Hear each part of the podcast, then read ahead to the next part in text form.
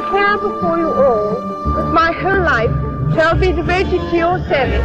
Al 70 jaar zit de Britse koningin op de troon. And out on the balcony of the palace stands the Queen crowned. Ze is de langst regerende vorstin aller tijden. Thank you for making me feel so old. In De Laatste Queen praat Lieven van den Houten met Jode Poorter en andere eminente koningshuiskenners. A chance to give thanks for the enormous changes of the last 70 years. Zij beantwoorden alle prangende vragen over de vrouw onder de kroon. So there are some disadvantages to crowns, but, but otherwise they're quite important things. En over de sleutelfiguren in haar leven. She has quite simply been my strength and stay all these years. De Laatste Queen. God save Queen Elizabeth. Vandaag over haar man, prins Philip.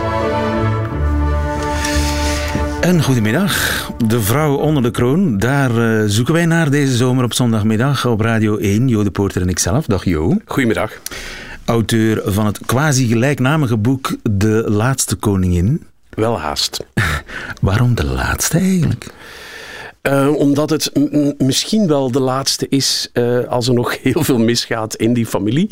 Want dat koningshuis krijg je toch wel moeilijk te verduren. Maar het is in elk geval, en op die manier heb ik altijd gelijk, het is in elk geval de laatste in haar genre. Het laatste in lengte, in omvang, in bekendheid, in legende. En in het feit dat, dat ze dit nu 70 jaar doet, dat gaan uh, wij, maar ik denk niemand meer meemaken. Ja. Dus vandaar. Dus deze zomer gaan we op zondagmiddag op zoek naar de vrouw die al 70 jaar op de Britse troon zit. En we krijgen daarbij telkens versterking van eminente queen-kundigen.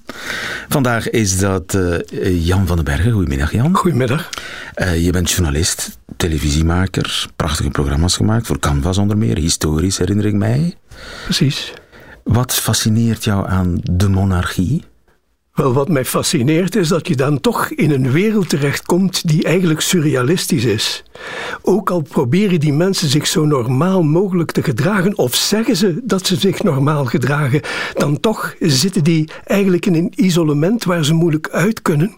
En dat betekent ook dat je daar hele rare snuiters tussen hebt. Als je dan toch over de koninginnen spreekt en over de monarchie in het algemeen, dan moet je eigenlijk bijna terugvallen op Engeland. Dat is de enige echte monarchie, vind ik. En wat je daar als assortiment van rare snijbonen vindt, dat kent zijn gelijke niet bij alle andere monarchieën. Ze moeten goden spelen, maar ze zijn mensen. Wel, ze zijn tot op zekere hoogte mensen, laten we het daarbij houden. Want het is eigenlijk onmogelijk om normaal te zijn. Je wordt eigenlijk in een kokon gedwongen waar je moeilijk uit kunt. En zelfs al zou je proberen om je zo normaal mogelijk te gedragen, dan toch heb je een soort van wereldvreemdheid over jou die zeer moeilijk te doorbreken valt. Vandaag proberen we de Queen beter te begrijpen via haar echtgenoot, Prins Philip. Een uur lang gaan we hem helemaal dissecteren, zeg maar. Zijn er ooit andere mannen geweest in haar leven, behalve Prins Philip? Ja, dus uh, de belangrijkste man in haar leven is haar vader geweest. Uh, maar ik bedoel in de romantische ja, betekenis. Die niet, maar die heeft toch heel veel in, in, een in de bijbelse betekenis. In de bijbelse betekenis. Jawel, uh, ja. Jan weet meer? Wel, ik weet uh, alleen wat er verteld wordt en wat daarover geschreven is. Van in haar prille jeugd had zij een zeer goed contact met Lord Porchester. Wat hadden zij gemeen? Een ongelooflijke liefde voor paarden. En Lord Porchester, bijnaam Porchy, die ging met de Queen eigenlijk haar hele leven, tot hij gestorven is in 2001, gingen die samen op stap om paarden te kopen, om paarden te keuren enzovoort. En ja, dan is er natuurlijk niet veel nodig om te zeggen, aangezien ook haar man, prins Philip, niet afkerig was van een avontuurtje, dat Philip door zijn gedrag haar eigenlijk tot overspel heeft gedrongen. Maar, maar concrete bewijzen zijn er niet, al zegt men dat prins Andrew heel goed gelijkt op Lord Porchester. De man heeft bestaan, dat weten we zeker. En wat ze, ze hielden van paarden. Ze hielden van paarden. Dat mag toch? En als je wil in het hart van de Queen komen, dan zijn er twee toegangsmogelijkheden. Dat zijn paarden of honden. En als je daarover, nee, zo is het. Als je daarover kan communiceren of enige belangstelling toont, dan kom je al heel snel in haar. Ja, uh... Het is natuurlijk ook geen bewijs, maar hij was een van de weinigen die met haar kon telefoneren rechtstreeks. Ze gingen ook samen naar de bioscoop, ze aten geregeld samen. Dus dat heeft natuurlijk voedsel gegeven aan het verhaal van de Queen is toch niet zo eenkennig en zo geporteerd op Philip als iedereen denkt. Maar nogmaals, concrete bewijzen daarvan zijn er niet. We waren er niet bij. Nee, helaas niet. Of gelukkig maar. We gaan ervan uit dat de man van haar leven, dat dat uh, inderdaad Prins Philip was. En over hem zullen wij het vandaag hebben. De laatste Queen. Vandaag over The Man Around the Queen gedurende 73 jaar, Prins Philip. En wie de man goed gekend heeft en zelf ook enkele jaren rond de Queen heeft gezweefd, zij het beroepshalve, is Captain Jocelyn Bucknell. Joss voor de vrienden. Hij was een van haar schildknapen, equerries. Good afternoon, Captain. Hi there, Lehman. How are you? You were one of Her Majesty's equerries, I believe. Yes, what, that's what, absolutely was. what, what does that mean, an equerry? So, so an an equerry, as in berry. An equerry, I think okay. that's the fir- that's that's the first thing we're taught on the on the job. It's equerry. an equerry, yes, absolutely. Um, so, so effectively, historically, it used to be responsible for the monarch's horse, um, hence kind of equus equerry. Um, but then then it's kind of it's it's progressed. And so i suppose the role is basically you assist her majesty on public duties and events. Um, you help run her majesty's day-to-day schedule um, and you also run her private residences when she's there so whether she's at balmoral or sandringham um, and so and so that really is is it in a nutshell So you spend a lot of time with her. Yes, yes, no, I, I, I did. So you, you kind of spend a mixture of, of time in whether it's in Buckingham Palace or Sandringham or Balmoral, um, going to all sorts of all manner of, of events. And you, you dine with her, you, you speak with her, or you're just silent, uh, uh, glued to the wall? In the background. Actually, I mean, funny, funny you say that. It's a mixture of both. So you do, yes, in, in kind of your when when she's in private residences, you you dine with her, um, and you you help to host her guests. Um, when you're in kind of uh, doing official duties, um, you're very much there by her side, just keeping keeping quiet. But also, you know, one of the roles is is finding people, interesting people to introduce her to. so at official parties, you're looking for people who might be interesting for her to meet. Yes, abs- absolutely, and and so part, part part of what you do, obviously, at these parties, there are huge amounts of people who who come to Buckingham Palace, and and Her Majesty hosts all these charitable events, and so um, you kind of work in a team, usually with a private secretary, and the private secretary I used to work with was about seven foot tall and was huge, and obviously Her Majesty's quite small, but I could always see where Her Majesty was because I'd see this this huge private secretary, um, and I'd go ahead, I'd I'd find a kind of group of four or five people, I'd you know just very quickly um, ask them what they do and, and find a, a few interesting things about them, and then I introduce Her Majesty to them. But but more or not, it's it's just getting them relaxed and telling them look enjoy the moment, don't get too nervous, that, that type of thing. Obviously, when you're new at the job, you make mistakes. Then what's like kind of kind of very stupid things you do when you're just a beginner? Um,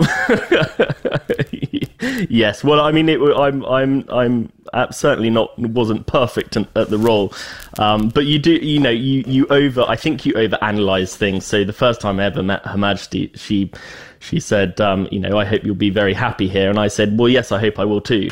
Um, and I suddenly thought, oh gosh, what have I said? um, and and you, so, so you spend a lot of time overthinking it, but actually, you know, Her Majesty is the ultimate professional. She's seen it all, um, and so there's there's nothing that, that she probably hasn't hasn't seen. Ik vertaal even snel. Veel mensen zeggen equerry, maar het is dus equerry. En die was vroeger verantwoordelijk voor het paard van de koning. Maar tegenwoordig assisteert hij de koningin als ze mensen ontmoet. Bijvoorbeeld op recepties zoekt hij naar interessante mensen om aan haar voor te stellen. En thuis in Balmoral of Sandringham begeleidt hij de gasten, gaat hij mee aan tafel en zo. Maar hoe zou nu een typische doordeweekse woensdag eruit zien, vraag ik me af voor de koningin. How does a typical Wednesday look for the Queen? I mean, a day, a Yeah, so- quiet day, nothing special planned or happening. What does she do? No, sure. So, so, so she. I mean, Her Majesty is, um, and as as I think a lot of um, the monarchy is, it's it's governed by a, a, a good routine. Um, so, so I suppose if I was to give an example of a Wednesday in Buckingham Palace and then an example of Wednesday, um, you know, in, in one of her private residences, that might help. So, in on a, a kind of normal day in Buckingham Palace on a Wednesday, in particular, she receives her red box of briefings from gov- governmental papers. Um, and actually, she receives that every single day of the year, apart from Easter Sunday and Christmas Day. Um, and so she'll work through, you know, spend about two or three hours working through those, reading up on, on current events. Um, and then she'll she'll have audiences. So every single ambassador who comes to the UK um, to represent their country goes and meets Her Majesty, um, and that's where I, I kind of come in and I, I greet the um, the visitors, I host them, and then I introduce them to um, to Her Majesty as well as the, uh, the head of the Foreign Office. Um, and then, and then in the evening, every Wednesday, uh, the Prime Minister comes to have a chat for about an Oh hour. yes, of Um, course. and so uh, and so so they, that keeps her up to date. And then then I suppose in in her private residences, you know, she, Her Majesty has a plethora of guests who come to visit. Um, and so, you know, potentially on a on in the morning before the guests arrive, um, Her Majesty will go around with um, myself and and some of the staff at whichever residence and make sure that the rooms are ready. Um, you know, she has an impeccable eye for detail, um, and so Oh. so, and she you know, she checks to understand that- herself. yeah, absolutely, absolutely. I mean, it's it's it's her house, um, so she she performs as you know exactly what most of us would do when um, when we're having people to stay. She wants to make sure that everything is Okay. um, is correct and in order. And does she change for dinner? So, I mean, I can only speak about um, in her kind of private residences, and and uh, when while I was there, yes, um, we Every all, day? we all used to change uh, every day. Yeah, we all used to change for dinner, and it was it was one. It was always quite quite an amusing kind of um, period. So you'd you you know no you the guests would leave to go and get changed and have a bath or whatever. Um, but as my role was to kind of hang around with um or stay with Her Maj- Majesty, um, and then when Her Majesty would go up. Um, I would then have to rush up to my room, try and get changed into my black tie as quickly as possible, and then rush back down before she got there. And it was always uh, it was known as the kind of the the Aquarius mad rush. Have you seen her since you've stopped as her equerry? Uh, yes, I have. Yes, um, she she very kindly, um, I'm actually very kindly invites um, uh, a few uh, people up to Balmoral um, to to stay, and so I was very fortunate to um, to be invited up there. That's very charming of her. That was a yes, I think. Dat was het, ja. yeah, sorry.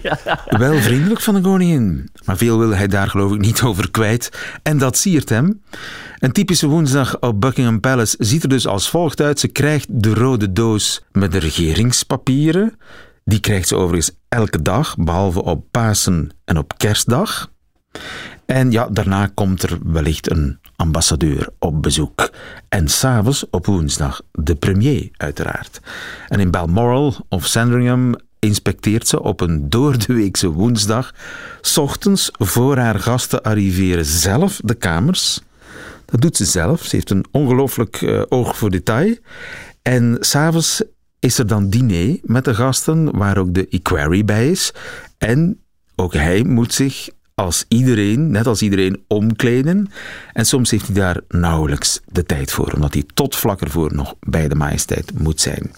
Een inkijkje in het dagelijks leven van de Queen, met dank aan eh, captain Jos Bucknell, die overigens, en dat moet ik wel zeggen, twee jaar geleden getrouwd is met een meisje uit Gent. En nu heb ik horen zeggen dat Prins Philip, ons onderwerp van vandaag, op zijn huwelijksaankondiging reageerde met de woorden Belgians, weird people. Jos? no, no, no, no. I mean, I may have, I may have embellished that at a at a dinner party to Chris, but uh, but no, I don't, I don't think that's, I don't think that's that's fair for to. For, His Royal Highness would never say that. No, he would never say such no, a thing. No, no, Never. never, never. Joss, Captain uh, Bucknell, thank you so much for this interview. Not at all, not at all. Lovely to speak to you. De laatste Queen. Dat had ik nu niet verwacht, dat de Queen Harry Quarry na afloop van zijn dienst privé zou uitnodigen op Balmoral. Klasse, zou ik zeggen. Ze hoeft dat toch helemaal niet te doen? Nu, terug naar het hoofdonderwerp van uh, vandaag. De man die 73 jaar het lief en het leed met de Queen deelde. Prins Philip, geboren een Griekse prins, prins Philippos van Griekenland. Maar een prinsenleven, dat heeft hij als kind zeker niet gehad. Zijn dochter Prinses Anne, die vraagt zich zelfs af hoe hij zijn jeugd heeft overleefd. It's difficult for me to imagine how on earth he coped with the sort of family life that he had. Um, and I think he hugely valued the family eh, life and, and people coming together and, and being there for each other. Uh, voor elkaar zijn, uh, familie was voor hem heel belangrijk en dat zou te maken hebben met de familiale omstandigheden waarin hij is opgegroeid. Hoe zat dat? Ja, dat is heel dramatisch. Hè. Hij is uh, geboren op Corfu en als hij uh, één jaar oud was, is hij in een uh, spreekwoordelijk appelsienkistje overgebracht. Ze, zijn, ze hebben het land, zijn twee ouders en zijn zussen, hebben het land moeten vluchten. Wat is er gebeurd? Er was een oorlog aan de gang met... Revolutie? Met de Grieks-Turkse... Nee, voor één keer was het geen revolutie, want er is natuurlijk een spreekwoord, een gezegde van die tijd. Als je koning van Griekenland bent, dan moet je bagage altijd klaarstaan om heel snel het land te ontvluchten. In dit geval werd vader Andreas van hoogverraad beschuldigd omdat hij niet hard genoeg gevochten had tegen de Turken. Oké. Maar hij was niet de koning, hè? Die Andreas, dat was Nee, nee, hij was de broer van was de, de koning. broer van de koning, ja. Maar dus in ieder geval, hij had het opperbevel van een bepaalde strijdkracht en had niet hard genoeg gevochten tegen de Turken. Dus hij moest het land verlaten. En via allerlei omzwervingen is de familie dan in Frankrijk terechtgekomen. Toch nog even meegeven dat het ook merkwaardige ouders waren van Philip. Andreu, terzelfde tijd zeer geïnteresseerd in mooie vrouwen en in mooie mannen, ook verslaafd aan gokken. Zijn moeder, die hoorde stemmen, die dacht op een bepaald moment dat ze de bruid van Jezus was en zij zegende ook theekopjes omdat ze dacht dat dat ten gunste zou zijn van de hele familie. Dus in die familie vier zusters van Philip, die zijn allemaal vertrokken, maar hij was de jongste en ja, op achtjarige leeftijd zijn die ouders dan uit elkaar gegaan. Vader is naar Monaco vertrokken, waar hij grote sier heeft gemaakt. En moeder heeft zich tot een uh, klooster gewend, is daar moeder overste geworden. En ondertussen was Filip van de ene familie naar de andere gereisd. Ja, was er eigenlijk iemand die zich met hem bezig hield? Er was nauwelijks iemand. Hij heeft toen een beetje gezworven uh, over Europa en is dan uiteindelijk in Engeland terechtgekomen. En daar heeft de broer van die moeder, Lord Mountbatten, want dat is wel interessant, de familie van de moeder, die heette, het zijn Duitsers, die heette Battenberg.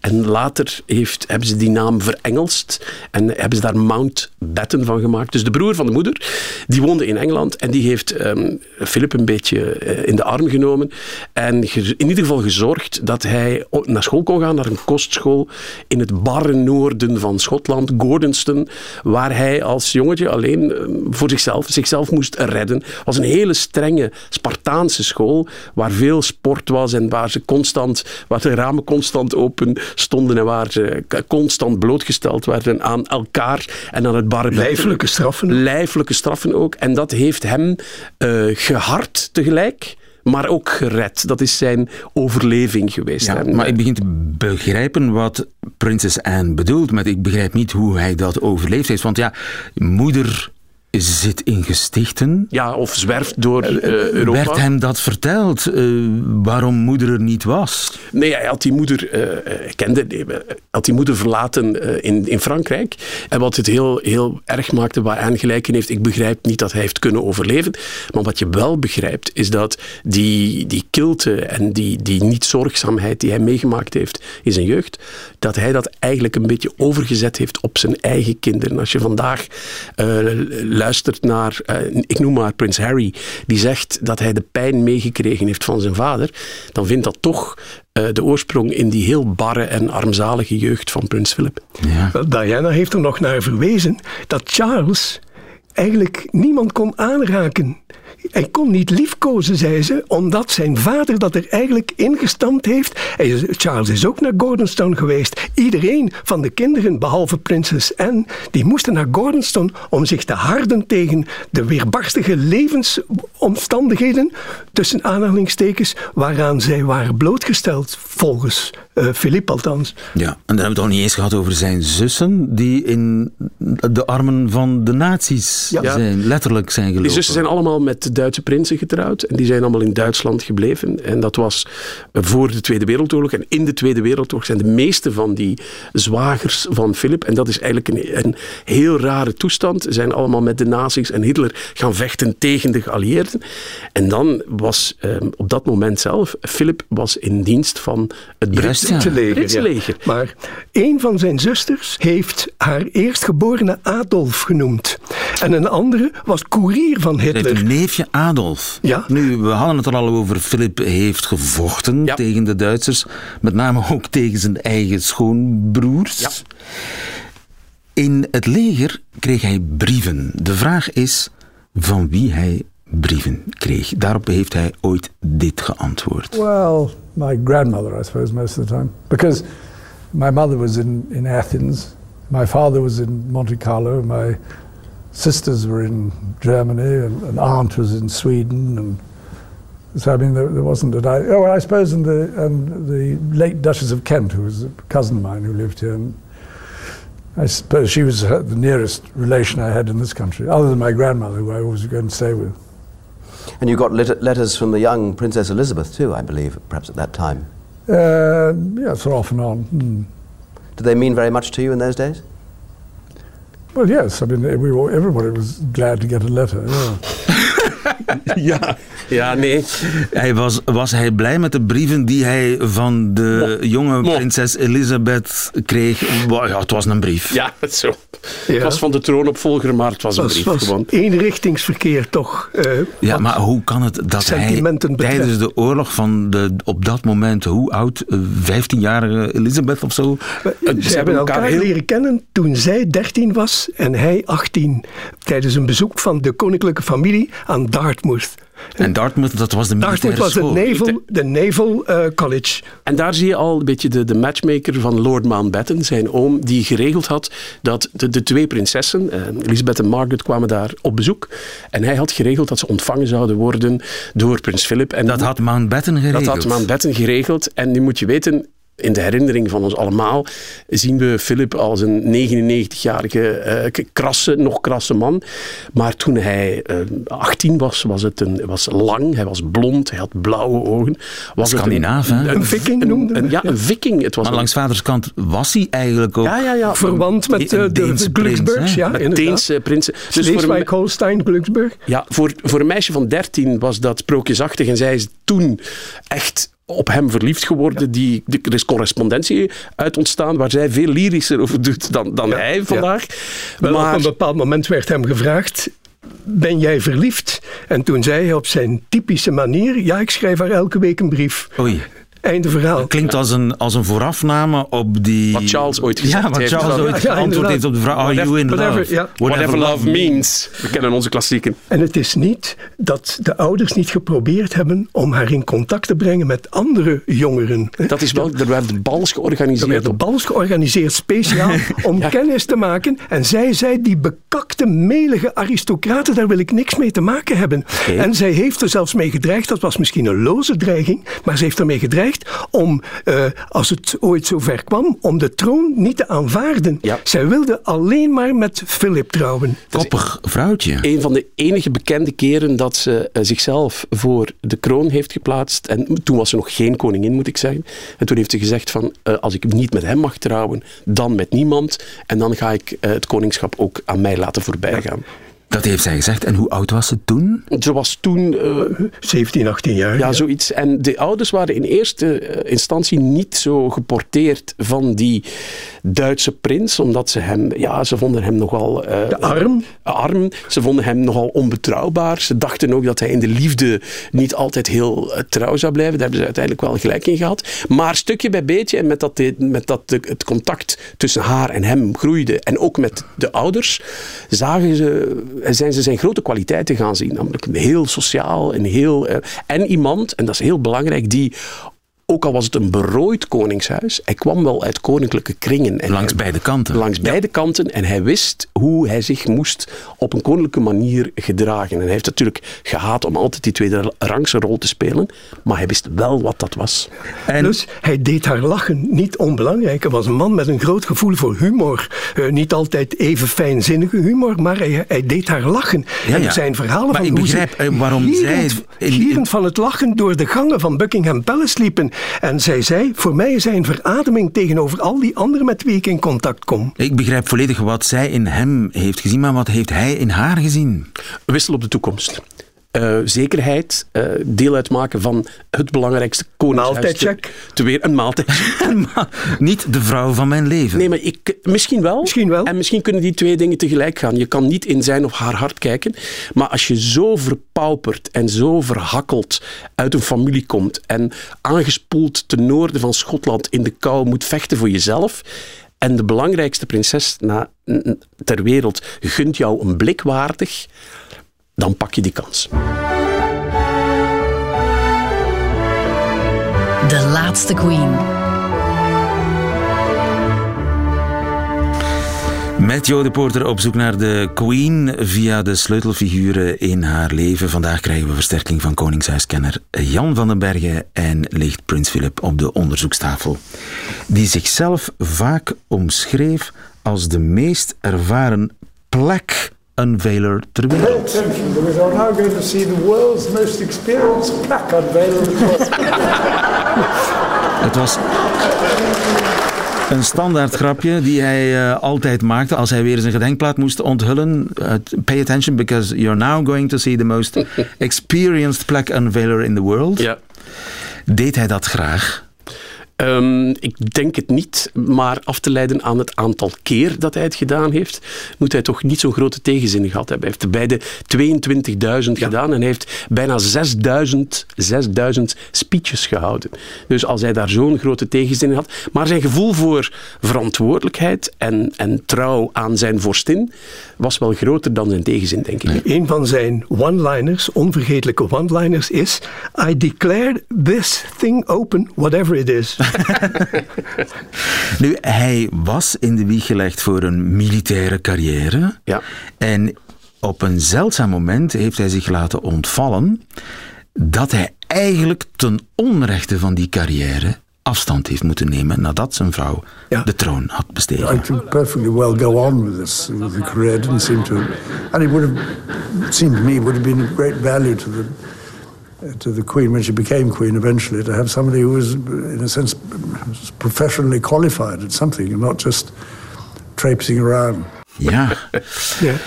Niet zomaar eh, rondhangen. Nee, maar, dat kon natuurlijk niet, hè, want zij werd baas van het land. En als hij dan nog een beetje zou gaan liggen rondroepen in het leger, dat zou, dat zou niet bij elkaar passen.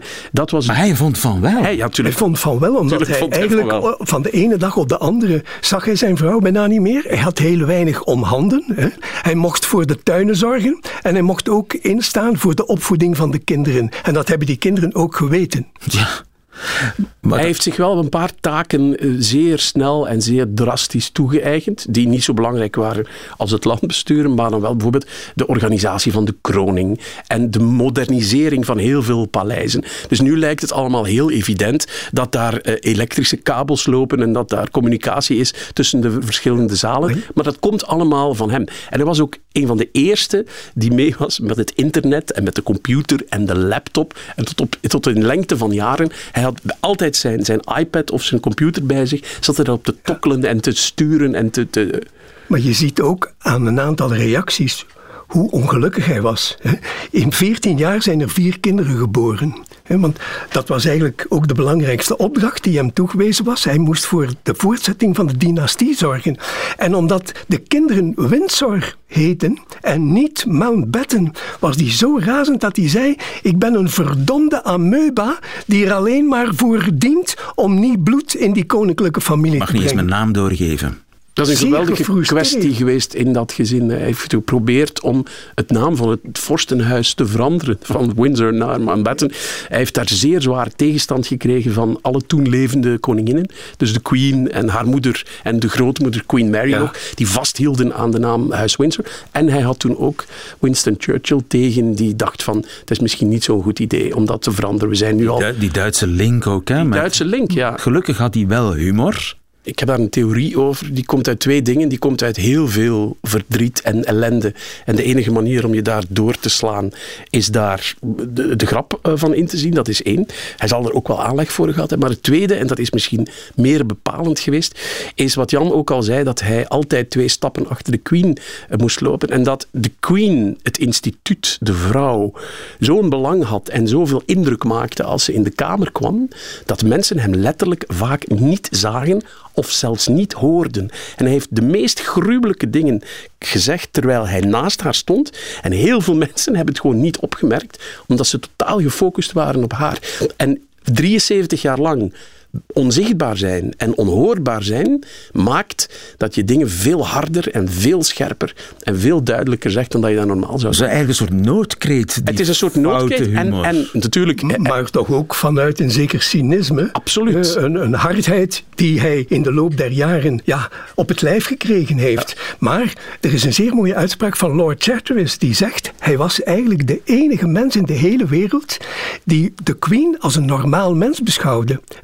Eh, zij hadden enorm veel eh, pret samen. En hij zal bijvoorbeeld op de kroning, als die Elisabeth, die zie je dan voortschrijden met die, met die zware kroon op. En hij zegt tegen haar, fluistert haar, waar heb je die hoed gehaald?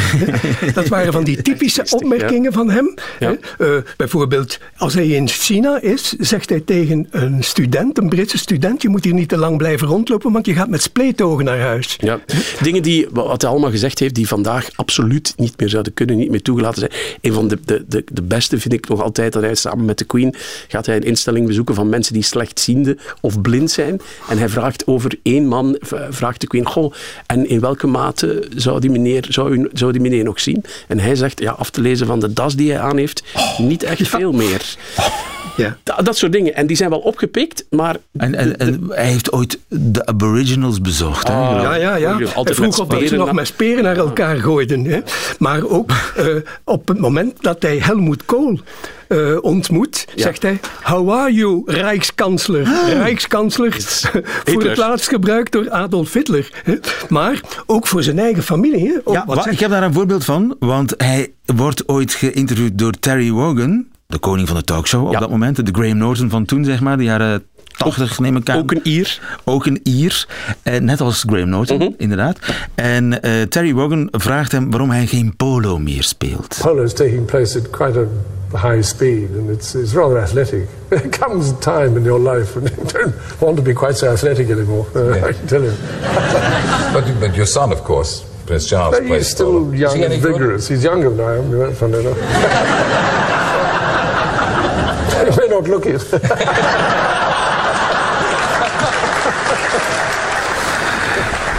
Ja, hij ziet er ouder uit dan ik, zegt hij over zijn eigen zoon. Ja, wel geestig. Ja. En voor nationale televisie. En, en de timing is ook geweldig. Ik eh, moet er erg om lachen. Maar over zijn eigen dochter zegt hij ook: Als het geen scheten laat en geen hooi vreet, dan interesseert het haar niet. Over Anne. Over Ja. Anne, over Prinses Anne. Maar toch ook zeer veel zelfspot. Hij zegt, ik ben nooit bepaald terughoudend geweest om te spreken over onderwerpen waar ik eigenlijk niets van af weet. Alright. Ja, ja, ja dat, eh, dat, eh, dat geneerde nu dat om het ook even ter tafel te gooien. Maar dus bijvoorbeeld ook eh, zegt hij over Elton John. Wat jammer dat die man zijn microfoon niet uitgeschakeld heeft. Dus dat soort van dingen. eh, eh, dat zou inderdaad nu tegenwoordig een beetje moeilijker liggen. Maar hij kwam eigenlijk overal mee weg. Ja. Omdat hij ook zichzelf toch eigenlijk eh, durfde bespotten. Ja, maar soms zijn de dingen toch wel zeer vergaand. Hij was in een of ander Afrikaans land dat onafhankelijk werd. En op de plechtigheid Kenia. van eh, Kenia, van onafhankelijk staat hij naast de nieuwe premier. En zegt dan, are you sure you want to go through with this? Ja, ja. Kom, Achteraf- dat is één zin. Het is, een, het is een verhaal. Achteraf is gebleken dat Kenyatta, Jomo Kenyatta gezegd heeft no. Ik begin te begrijpen waarom die jonge Elizabeth voor hem gevallen is, eerlijk gezegd. De laatste Queen. In 1997 zijn de Queen en Philip 50 jaar getrouwd. En dan zegt hij dit. After 50 years of experience, I find there's a great temptation to give advice. the trouble is that no two marriages are quite alike. However, I think that the main lesson that we've learned is that tolerance is the one essential ingredient of any happy marriage. It may not be quite so important when things are going well, but it is absolutely vital when things get difficult.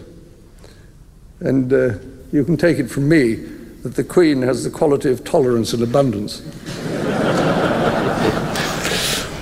Wel, hij heeft daar nog iets aan toegevoegd uh, op een andere gelegenheid. Iedereen een eigen huis en veel gezond verstand, dat ja. is de beste remedie voor een gelukkig huwelijk. Een eigen huis. Je moet weten dat die mensen, en dan neem ik ze nu even allemaal bij elkaar, leven toch op een iets grotere gemiddelde oppervlakte dan wij allemaal, hebben verschillende huizen. En het is heel gewoon en gebruikelijk. Uh, die hebben zelden samen geslapen. Ook niet als ze in hetzelfde kasteel of paleis waren, noem Windsor of Buckingham Palace. Dan heeft iedereen zijn eigen slaapkamer, zijn eigen vleugel. En het gebeurt wel eens dat ze, hoewel ze in hetzelfde gebouw zijn, elkaar op zo'n dag niet tegenkomen als dat niet noodzakelijk is. Dus enige afstand in de relatie, plus natuurlijk dat ze elk hun eigen taken hebben, dat ze apart op reis gaan, um, zorgt wel dat, oké, ze zijn 73 jaar samen geweest, maar misschien in realiteit maar 45 als je alles bij elkaar optelt, omdat ze natuurlijk de ruimte hebben om wat afstand te nemen van elkaar. Hij was een rokkenjager. Absoluut. schaatsrijder. Hij moest er eigenlijk ook niks voor doen. De vrouwen stonden in de rij voor hem. Jo heeft het al aangegeven, die jonge viking die tot op redelijk uh, gevorderde leeftijd er nog altijd zeer goed uitzag. Hij heeft een relatie gehad met Alexandra van Kent. De queen is dat te weten gekomen en heeft toen Lord Mountbatten ingeschakeld om te zeggen, uh, zou dat nu niet uh, kunnen stoppen? Waarop Philip onmiddellijk tegen Mountbatten zei, Mountbatten ook een rokkenjager bij Canniwer Kijk maar naar jezelf, je hebt daar verder niets mee te maken. Nu, er zijn een aantal verhalen bekend van Philip die tijdens zijn buitenlandse reizen toch altijd uh, mooie dames binnen zijn blikveld had. En niet alleen binnen zijn blikveld, maar. Uh, er zijn ook een aantal verhalen, onder andere van Lauren Bacall, de, de, de actrice, die in haar memoire schrijft dat David Niven en nog een aantal andere acteurs eigenlijk zijn overspel moesten camoufleren. En dat Philip dus onder andere met Jane Russell, Zaza Gabor, Shirley MacLaine een meer dan vriendschappelijke relatie heeft gehad. Maar in 2006 heeft hij een interview met Jeremy Paxman, ja. de beroemde interviewer. Van de BBC. En, en, daar zegt hij, als ik met een vrouw sta te praten, dan zeggen ze meteen dat ik ermee naar bed geweest ben. Terwijl die prachtige vrouwen, moeten, wat zouden, waarom zouden die geïnteresseerd zijn in zo'n oude vent als ik? Ja. En bij een andere gelegenheid zegt hij, kijk eens, hè, ik had het beter gedaan. Ik had er beter van geprofiteerd. Ik had er beter plezier van gehad. Dan had ik er ook plezier van gehad. Ja, maar hij nu, kan gelijk hebben, hè? Hoe zou, ik, hoe zou ik dat kunnen doen hebben? Ik had voortdurend bodyguards, ik had voortdurend politieagenten in de buurt. Dat is natuurlijk een drogreden, want daar zou hij zich eigenlijk Jij gelooft daar gestoord van. Jij gelooft daar niets van. Oh, ik weet niet of dat, of dat de aanwezigheid van bodyguards en van, uh, die, die sliepen toch niet bij hem in bed of onder het bed. Mogen dus er waren gelegenheden genoeg om eigenlijk een keer vreemd te gaan. Ja, maar laten we nu aannemen dat het inderdaad uh, waar is dat hij uh, meerdere relaties heeft gehad. We weten het natuurlijk niet zeker. Het kan Mhm. zijn dat Prins Philip gelijk heeft. Als hij zegt, ja, ik had het beter wel gedaan, want er wordt sowieso geroddeld. Ja? Heeft dat de Queen heel erg gegriefd? Dat denk ik niet. Um, het is een um, heel uh, courant voorkomend verschijnsel in koninklijke en ook andere kringen. Want zij wist, hij zal niet weglopen. Ja, nee. wel. De, de, de, de Spaanse koningin, de vroegere Spaanse koningin, dat daar een zeer mooie. Sofia. Juan Carlos bekend, Ja. Sofia. Zij zei altijd: Mijn man is als een autobus. Als hij zijn rit gedaan heeft, komt hij terug naar de stelplaats. En uh, we zouden dat eigenlijk ook kunnen toepassen op Philip. Terwijl er natuurlijk toch ook een heleboel onzin verteld werd van allerlei relaties die hij misschien inderdaad niet gehad heeft. Want er zijn, vooral in adellijke kringen, zijn er toch dames die er zich graag laten op voorstaan Ja. dat ze het ledikant gedeeld hebben met de tweede belangrijkste man van het Verenigd Koninkrijk. Ja. Laten we eens luisteren naar wat de Queen zelf bij diezelfde gelegenheid, de 50ste verjaardag van hun huwelijk, over hem te zeggen heeft. All too often, I fear Prince Philip has had to listen to me speaking. Frequently, we have discussed my intended speech beforehand, and as you will imagine, his views have been expressed in a forthright manner. he is someone who doesn't take easily to compliments, but he has quite simply been my strength and stay all these years. And I and his whole family, and this and many other countries, owe him a debt greater than he would ever claim or we shall ever know. Meent ze dat? Dat denk ik wel, ja. Dat denk ik wel, omdat hij scoorde op zoveel punten die hij belangrijk vond, uh, dat ze hem wel heel erg... En ik kan alleen maar zien wat je ziet, dat ze er tot lengte van jaren, tot aan zijn dood, bijgebleven is. En hij had als rol de familie ook uh, te regelen, de familiekwesties? Hij was hoofd van het gezin. Dus hij had hem aangesteld toen ze getrouwd zijn. Uh, zei ze, ik ben baas van het land en nu ga jij baas van het gezin. Heeft hij heel ernstig, maar op zijn eigen, niet, niet moderne manier aangepakt. Kinderen zijn heel streng opgevoed. En wat hij, zijn overtuiging was, dat het belangrijk was niet om affectie te geven, niet om liefde te tonen, maar om hen vaardigheden bij te brengen. Zoals zwemmen, uh, zeilen. zeilen. Um, en alle andere sporten die hij zo op polo spelen, die hij zo goed beheerste. Dus daar zag hij het nut van in, want daar heb je iets aan. Maar een aanraking of een. Er is een, een, een gruwelijke scène. Hij was uh, befaamd om zwemles te geven. Zijn zwemles bestond erin jonge kinderen in het zwembad smijten van Buckingham Palace en kijken hoe ze eruit geraken zonder enige hulp. En voor, voor Charles is dat traumatiserend geweest. Maar dat was zijn... Voor Edward, die in Gordonstone helemaal verloren liep. Ja. Uh, die dat niet gewoon was om, om op zo'n manier eigenlijk behandeld te worden. Die geloofde in sprookjes en die komt ineens in Gordonstone ja. en wordt daar blootgesteld aan lijfstraffen, aan kou, aan, aan, aan, aan sneeuw op de, op de bedden, bij wijze van spreken dus in de winter. Taak, kun je moeilijk zeggen, heeft hij naar behoren of met heel veel succes vervuld? Hij heeft veel schade Ja, maar er was... Ja. Charles zegt, en nu nog altijd, over zijn vader. Je had uh, liefdevolle en begrijpende vaders. En dan had je de Duke of Edinburgh. Ja. Dat zegt toch iets, hè? Ja. Nu, uh, sinds meer dan een jaar uh, moet zij verder zonder hem. Ja. Heeft ze het daarmee moeilijk? Dat denk ik wel, ja. Ik bedoel, 73, de mensen die niet eens 73 jaar worden, maar ze hebben een huwelijk van 73 jaar. En dat huis of die familie is de laatste jaren geteisterd door toch heel veel ellende en onverwachte dolksteken die ze niet hebben zien aankomen. Die hele kwestie uh, Meghan en Harry. Um, dat hij gestorven is op een aantal weken van zijn honderdste verjaardag, dat zal haar natuurlijk niet verbaasd hebben. Maar het, het gemis om die persoon te hebben, en ze is er zo al twee andere, haar zus en haar moeder verloren, waarmee je gewoon kan spreken en die jou eens op je plaats zet en uitscheldt en als een normaal mens behandelt. Ik denk dat als je 96 jaar oud bent, dat je die dan meer dan ooit zal missen. Ja, wel, het mooie lied van Jacques Brel, bien sûr, nous eûmes des orages. Ja. Dat is er ongetwijfeld geweest, maar als je dat beeld, dat is toch een zeer beklijvend beeld, als je die queen daar helemaal alleen in dat coronatijdstip op die bank ziet zitten, Bij de begrafenis. voor het eerst bijna onwezenlijk. Ja. Maar het kon niet anders. Dus dat, dat blijft voor mij het beeld van het gemis van Philip. Ja. ja. Volgende week zondag zetten we onze zoektocht verder naar de laatste queen. Uh, welke sleutelfiguur gaan we dan binnenstebuiten keren? Uh, de moeders aller moeders en de moeder van de queen, de queenmam Elizabeth. Jij bent er ook weer bij, Jan?